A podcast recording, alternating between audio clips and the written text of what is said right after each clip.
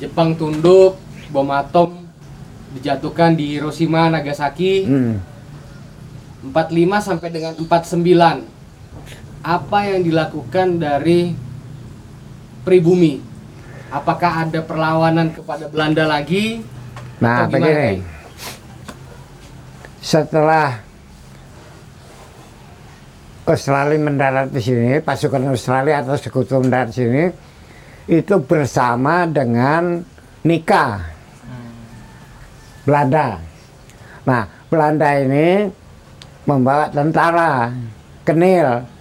Di samping itu ada namanya landing troop. Landing troop itu adalah anak buah kapal dagang Belanda dulu yang berlayar ke luar negeri. Kru kapal ini adalah bangsa Indonesia. Ketika Pak India Belanda atau Indonesia diduduki Jepang, mereka tidak bisa masuk lagi ke sini.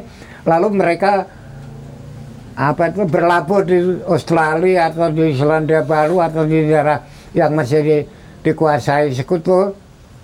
Lalu kru kapal orang Indonesia ini oleh Belanda karena Belanda atau uh, pemerintah India Belanda atau Indonesia ini itu membuat apa itu membuat perwakilan atau kantor sebagai pelarian di Brisbane Australia. Nah di situ kantor nikah di Brisbane Australia lalu mengumpulkan orang-orang Indonesia kru kapal ini dimiliterisasi dijadikan namanya landing troops. Nah mereka ini dari Surabaya, dari Ban, dari Jakarta, dari mana-mana, dari Palembang, dari mana-mana jadikan tentara ikut mendarat ke sini. Nah, kemudian tahun 45 itu setelah ini Jepang, anu, Jepang menyerah, perang dunia ber, dunia berarti ber, berhenti, selesai.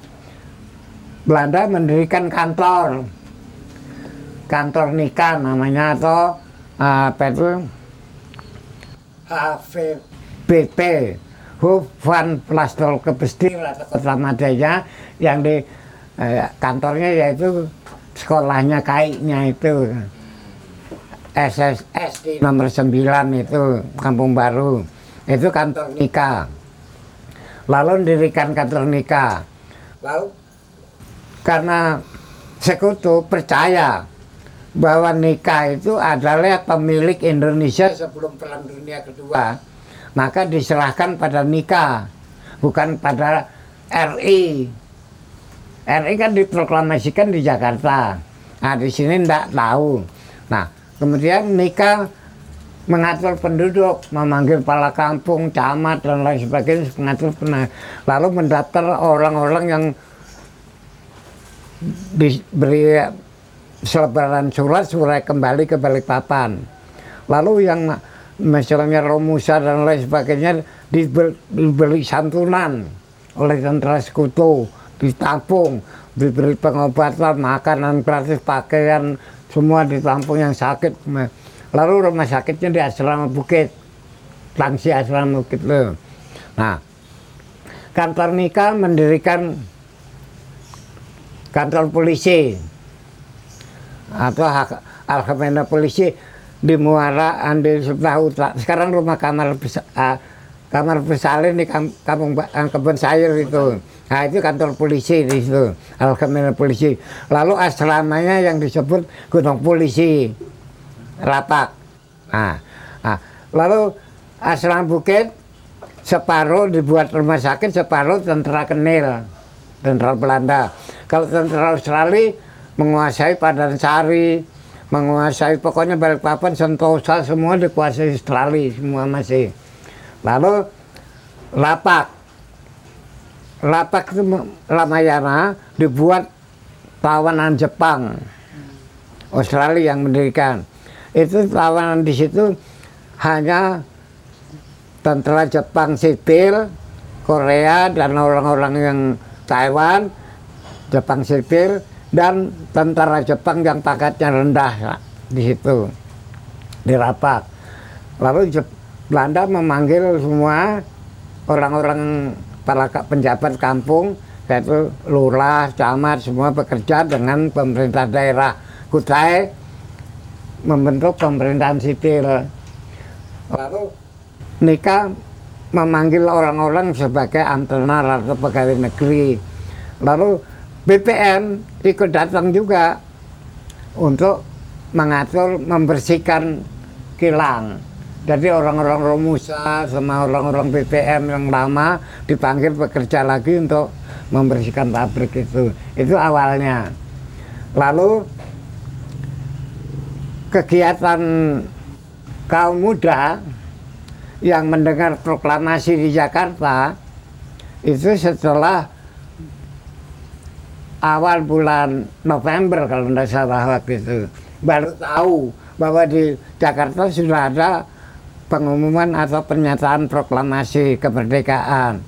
Itu berita dari sana. Itu pun mendengarnya dari radio Australia dari ABC Australian Broadcasting Corporation yang berbahasa Melayu. Nah di sini tidak ada radio kan? Lalu anak-anak landing club tadi kan? Itu kan pernah bekerja pernah bergaul dengan masyarakat internasional. Jiwanya sudah beda dengan orang-orang yang lama di sini. Nah itu dia mendengar itu bergerak. Lalu mengundang penduduk ya penduduk sini yang lama pemuda-pemudanya elit-elit pelajarnya bagaimana kita mendukung Jakarta? Mendukung. Lalu siapa yang harus kita tonjolkan yaitu Pak Abdul Muthalib Pak Abdul Muthalib itu adalah karyawan BPM yang didatangkan ke sini dikontrak sebagai tenaga administrasi menengah. Bisa bahasa Inggris bisa bahasa Belanda. Lalu beliau itu karena pegawai menengah melihat saudara-saudaranya kontrak kuli kontrak seperti ayah saya kuli kontrak itu hidupnya ya sangat sederhana. Lalu mendirikan koperasi koperasi lalu koperasi ini berkaitan dengan keadaan situasi pada waktu itu di Jawa pada tahun 26 pemberontakan PKI lalu dikaitkan oleh Belanda. Suatu organisasi apa pun di Balikpapan ini tidak boleh kecuali keagamaan. Keagamaan itu pun kalau misalnya adakan ceramah harus ada mata-mata Belanda harus hadir di situ. Harus harus minta izin. Lalu Pak Abdul Muthalib kamu berhenti dari BPM atau eh, beliau berhenti dari BPM lalu dia bekerja bergaul dengan masyarakat biasa berjualan apa. Itu zaman Belanda dulu. Ketika Jepang datang beliau tidak bekerja dengan Jepang dia berjualan makanan lah entah apa apa dari pasar Kampung Baru. Lalu beliau didaulat oleh elit-elit politik dan pemuda-pemuda. Orang Romusa itu juga banyak yang berpendidikan lumayan yang berpikiran pikir dan pernah berpolitik. Lalu mereka mengusulkan Abdul Muthalib harus bagaimana? Lalu mendirikan KEM. KEM Komite Indonesia Merdeka? Nah, KEM satu di Pasar Kampung Baru. Lalu didukung Pak Abdul Muthalib didukung sama eh, banyak lah. Orang-orang termasuk orang-orang lama di sini. Lalu di- didukung juga oleh warga lama yang di sini. Lalu mendirikan kem Kampung Baru.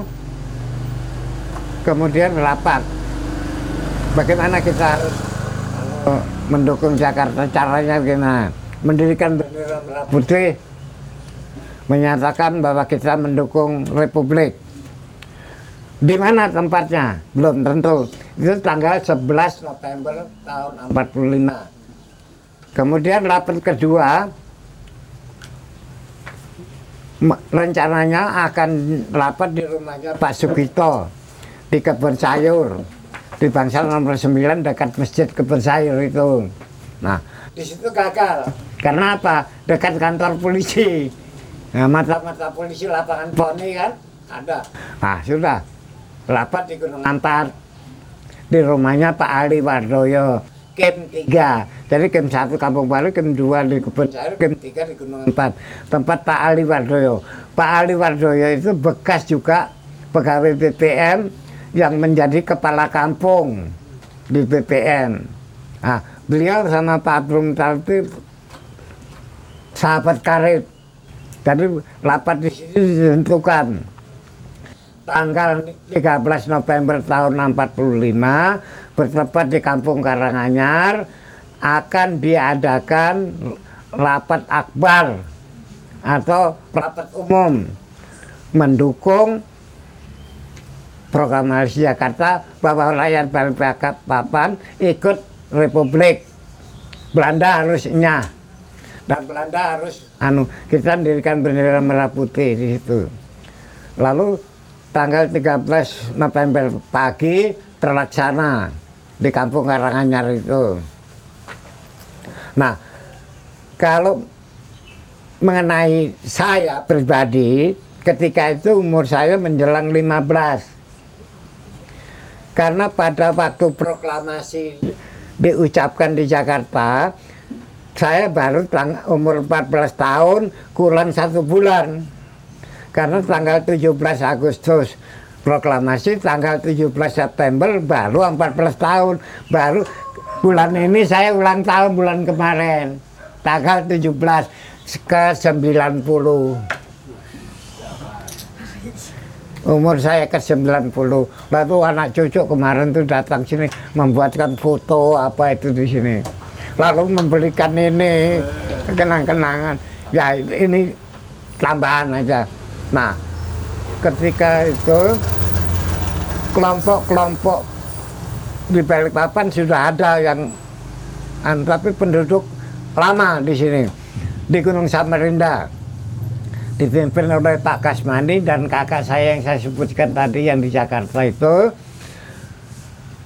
di Kampung Dam dipimpin Pak Anang Acil dibantu oleh disersi polisi polisi namanya Juni orang Sunda. Terus di kota dipimpin Abdurrahman Muhyiddin, dipimpin, diwakili oleh Ponidin. Ponidin itu adalah ex landing troops dari Australia. Itu masuk kota, anu di kota dan termasuk seberang. Pemimpin, pemimpin umumnya yaitu Pak Abdul Muthalib tadi pemimpin umumnya. Lalu kelompok ini mengadakan rapat di Gunung 4 menentukan tanggal itu. Lalu disebar. Masing-masing menyebar sampai ke seberang sampai ke mana-mana pada tanggal 13 November tahun 45 kita mengadakan rapat akbar lalu di Karanganyar itu. Tempatnya tempatnya dari pintu 5 tahu pintu 5 kan? Masuk ke dalam kira-kira 700 meter. Ke dalam itu pintu 5 di situ ada lapangan rumput. Lapangan rumput itu BPM pada masa itu. Kalau malam Kamis atau malam Jumat tidak ada hujan diadakan layar tancap untuk hiburan penduduk dan warga BPM. Nah, kalau hari raya misalnya hari jadi kelahiran Ratu Belanda diadakan Raja Kuning namanya pasar malam di situ. Itulah pada waktu Jepang diunjuk untuk latihan tentara Jepang. Pabrik itu dulu tidak ada pagar. Jadi orang umum boleh masuk, tetapi ada tempat-tempat yang dikurung tidak boleh dimasuki. Jadi kalau mau dari kebun sayur mau ke Kelandasan lewat pabrik.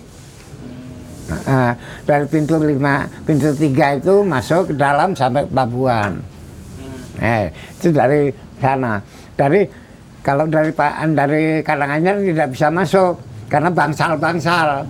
Tapi dari pintu lima, eh, pintu tiga itu masuk ke, terus ke jembatan pintu satu terus ke Kelandatan atau ke Polkedor tadi ke Gunung Dok turun Perapatan atau turun Landasan itu ke situ. Jadi Gunung Sari ini dulu mesti jalanan mesti setapak. Nah, itu gambaran waktu uh, pergerakan pertama. Lalu kumpul di situ kai diutus oleh pimpinan. Karena kai itu pernah tinggal di hutan selama tiga tahun setengah, Jadi kalau jalan malam ini mesti hutan, hutan karet, hutan, hutan betul. Ini penduduknya jarang-jarang. Jadi kalau jalan malam itu kalian nggak takut. Misalnya saya tinggal di Gunung Samarinda, sekarang di muka kantor Depak, Jalan Pahlawan itu. Nah saya tinggal di situ.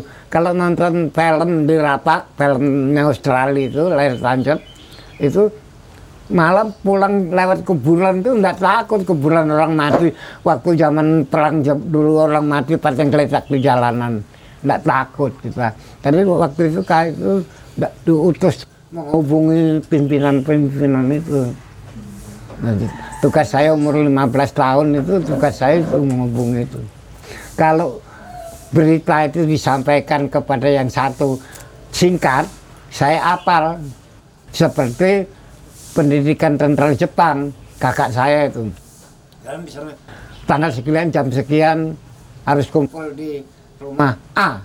Saya apal berapa kali tapi kalau anunya itu beritanya itu agak panjang itu di- perlu dicatat pokok-pokoknya aja.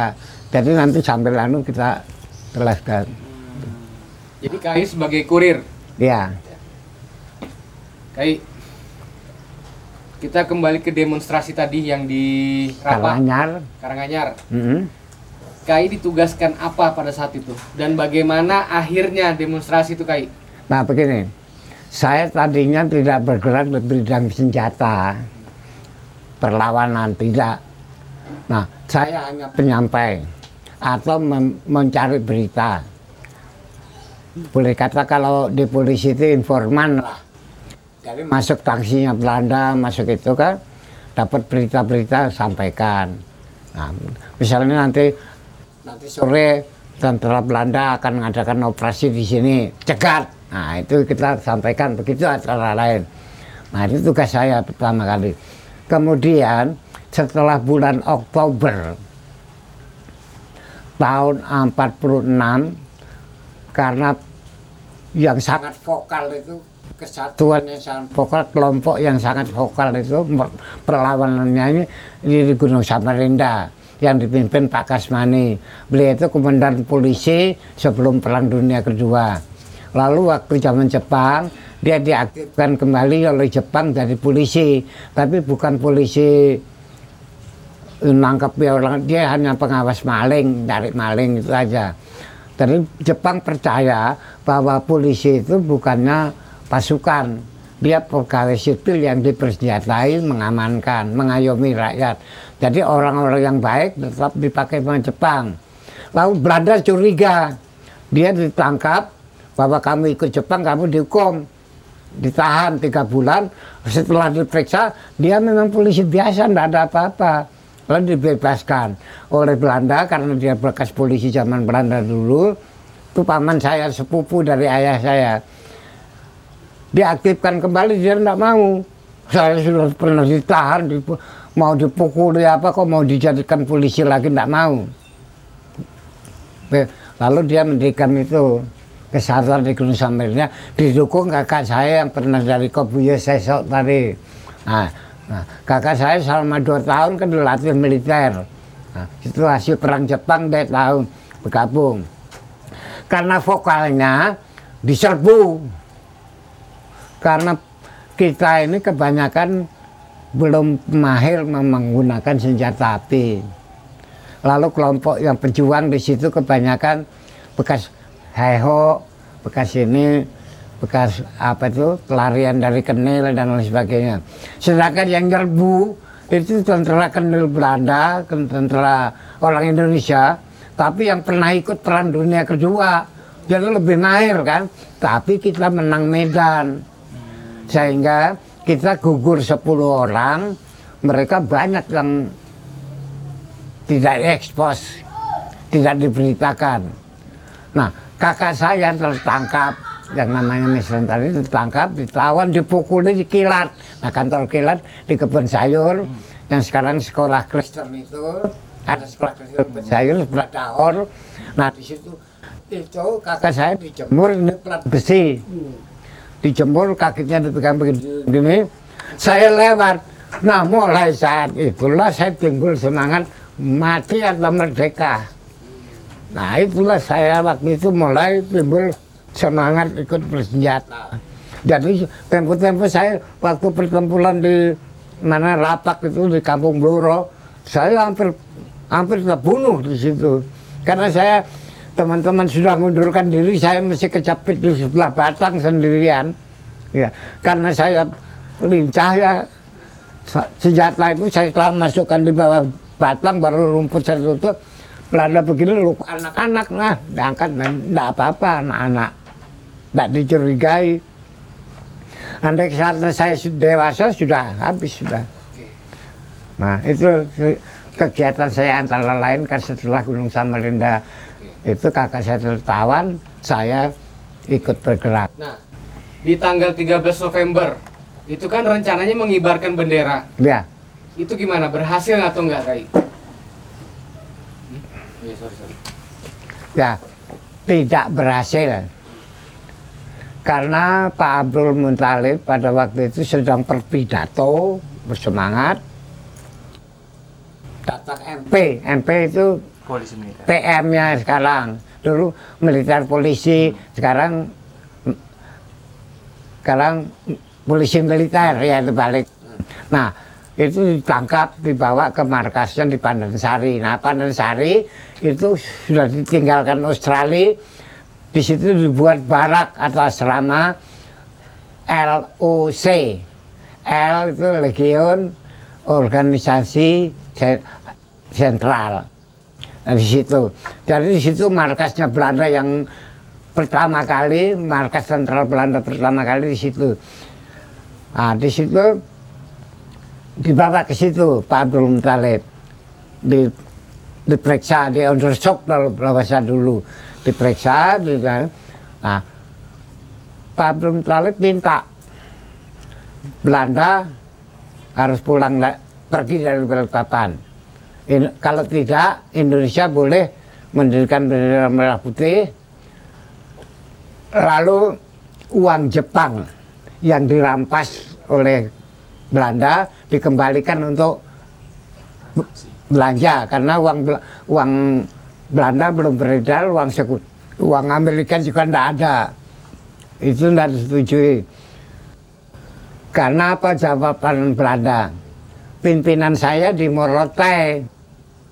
Saya tidak bisa memutuskan ini. Besok pagi rapat di kantor nikah dia bilang. Di kantor nikah yaitu di kantor sekolahan itu. Nah, besok paginya rapat di situ. Dia bilang tidak bisa memutuskan.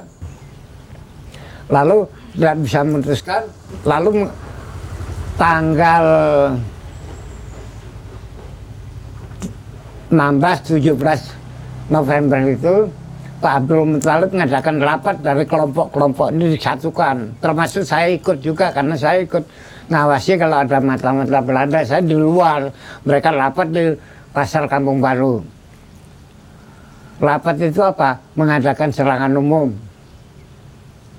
Jadi kelompok DAM, kelompok Gunung Samarinda, kelompok kota, kelompok seluruhnya dipimpin Abdul Muttalib akan mengadakan serangan umum. Sedangkan tentara Australia masih ada di sekitar kelandasan ini, tentara Amerika masih ada di Kampung Balujung. Tentara Amerika itu kurang lebih nggak sampai satu divisi atau dua tiga kompi lah. Nah, nah, eh, mungkin satu resimen lah. Itu eh, atau marinir itu United States Navy marinir yang paketnya loreng-loreng itu. Pasukan pendarat. Itu ada di sana. Jadi Pak Abdul Muttalib nanti kalau ada serangan umum nyekat itu dari Kampung Baru pasar lalu sini mengadakan serangan umum. Dengan cara menghancurkan sentral lampu. Sentral lampu itu ini asrama bukit ada rumah genteng. Ini yang jalan ke atas setelah bukit. Di situ tapi gagal yang di- disuruh melempar granat itu meletus di bak air aja. Sentralnya mesti tetap nyala. Jadi gagal.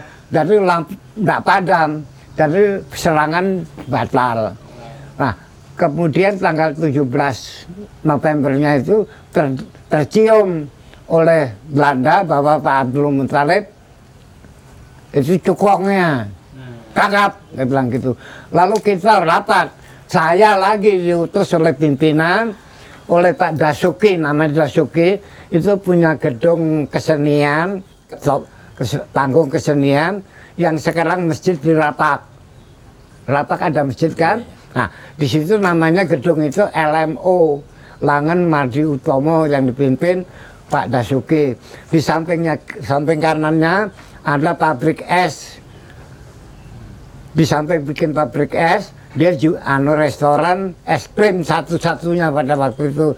Dan pabrik es itu sekarang kalau anda mau lihat ada di samping gedung Balai Gembira Karanganyar. Nah itu itu namanya uh, pabrik es Wong Yun Cina.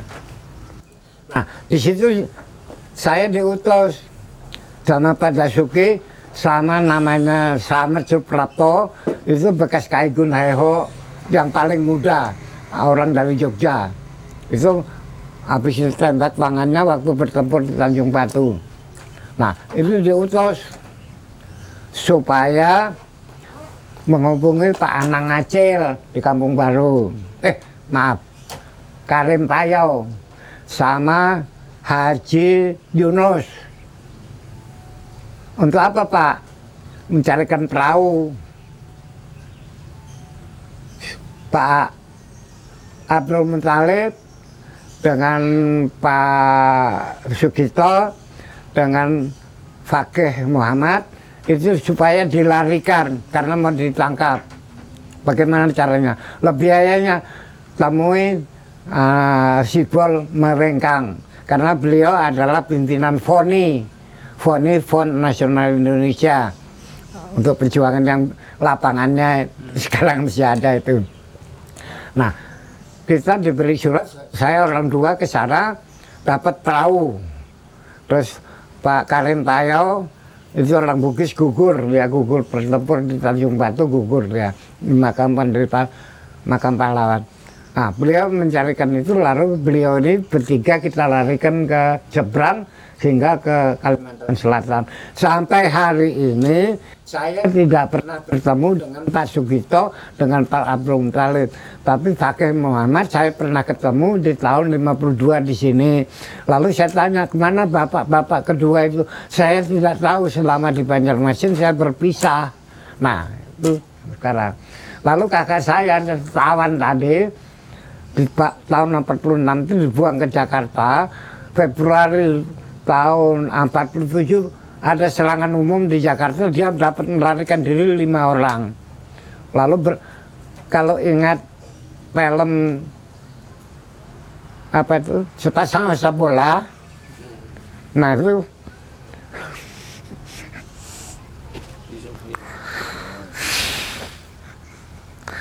perwira-perwira yang ada di Bekasi Jakarta itu pada hijrah ke Jogja bersama kakak saya. Lalu bergabung di Jogja sampai kemerdekaan. Itu kakak saya yang tadi saya ceritakan. Nah Pak Kasmaninya bulan Februari tahun 47, ah, ya ber, ber- ber- ber- hampir sama dengan kejadian di sana-sana.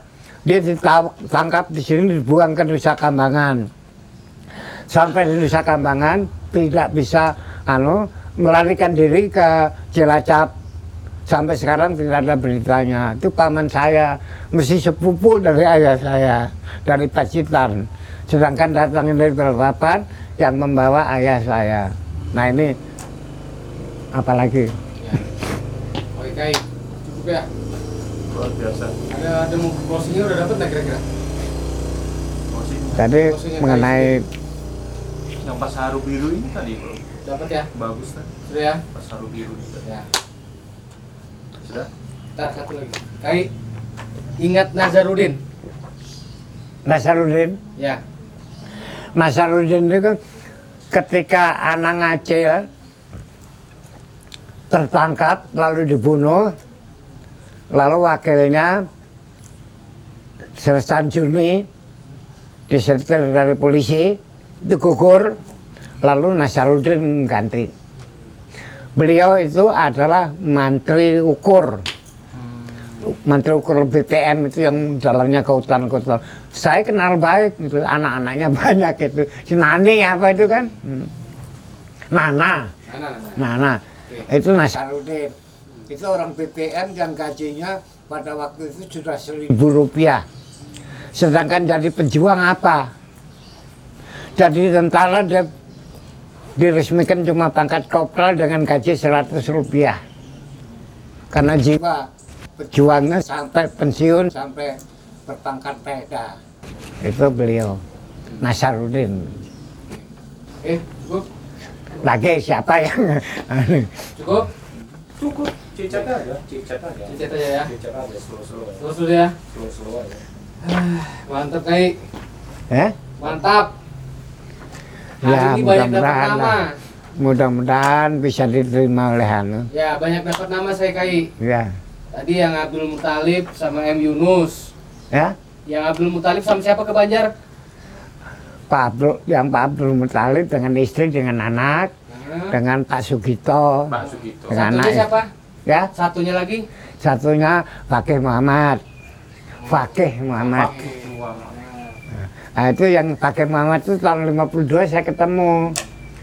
Yang Kalau- lainnya enggak ketemu lagi. Kalau Anangan Wari.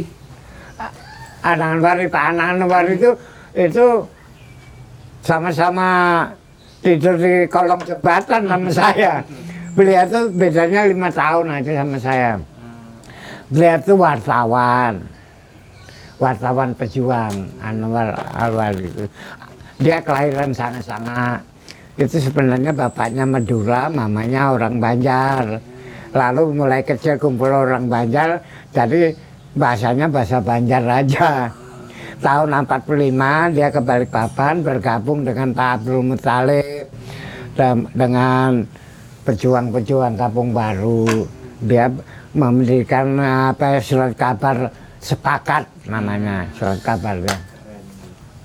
Lalu setelah pemerintah RIS bubar ganti RI, beliau jadi kepala percetakan negara Depen. Hmm. Nah, Anang Nawali. Nah, kemudian Depen pindah jadi Kempen, pindahkan ke Samarinda. Beliau pensiun jadi pimpinan DPD veteran. Nah, akhirnya beliau baru 3-4 tahun yang lalu pulang. Kai Taib Kusuma. Eh? Taib Kusuma. Oh, Taib Kusuma itu anu elit politik, bukan pejuang bersenjata. Jadi sama saya hampir-hampir tidak ketemu. Karena beliau itu jarang ketemu sama pejuang bersenjata. Karena tidak ada hubungan. Beliau elit politik yang keluar masuk penjara. Tayyip Kusuma anaknya satu kan. Siapa sih? Siapa? Itu anaknya itu bapaknya di penjara, anaknya itu selalu sama mamanya masih segini. Anaknya itu kacamata juga. Asirin, Asirin. Hasilin, hasilin Kesuma. Beliau itu waktu penyerahan tanggal 27 Agustus eh, eh, Desember tahun 49 di sekolahan itu beliau itu pidato pidato itu? Apa artinya dua carik kertas? Anu dua dua carik kain yang berupa merah dan putih. Itu saya ingat betul. Saya ada di situ. Bah, apa artinya? Kalau dibiarkan saja. Tapi sebagai bendera nasional adalah dari belakang saya. Beliau itu mau dikasih penjabat apa pun oleh pemerintah tidak mau. Pak Tayyip Kusuma itu orangnya kamu kacamata AA Musa. eh AA Musa. apa AA Musa. oh Musa Musa jarang, jarang juga eh. siapa lagi Bas Bustomi. eh Bustomi. Oh, Bustomi termasuk pejuang itu, pejuang bersenjata. Tapi dia selalu pindah-pindah tempat. Samarinda, jadi dia itu sebagai apa dia apa ya, sebagai ya seperti Islam itu apa ya, dia itu sebagai apa itu penggerak semangat gitu. Nah, Hmm. nah seperti Abdul Ghani, Ya, ya. pernah dengar camat Semboja. Nah itu setiap malam minggu saya ketemu di sini, tiap malam minggu di sini. Itu dilaporkan sama anak buahnya sendiri. Jadi hukum tujuh tahun, baru satu tahun jalani hukuman, penjarahan kedaulatan bebas dia. Abdul Ghani. Pejuang juga itu. Abdul Ghani itu pejuang juga. Dia itu seorang antenar atau pegawai negeri. Kenapa dia pejuang dari sangat-sangat lari dia sembunyikan di Semboja. Pejuang dari sini beliau itu pejuang penjabat pemerintah tapi melindungi pejuang sehingga memberikan konsumsi, memberikan bantuan apa sehingga anak buahnya yang pro Belanda melaporkan dia dihukum. Nah, dihukum tujuh tahun, paling ban, paling tinggi. Yang lain-lainnya macam Mawengkang, yang lain-lainnya itu dua tahun, dua tahun, dia itu sampai tujuh tahun.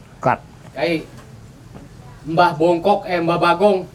Oh, kalau Pak Bagong itu hartanya, hartanya itu ya berasnya, ya uangnya, ya apa namanya enggak tahu nama aslinya.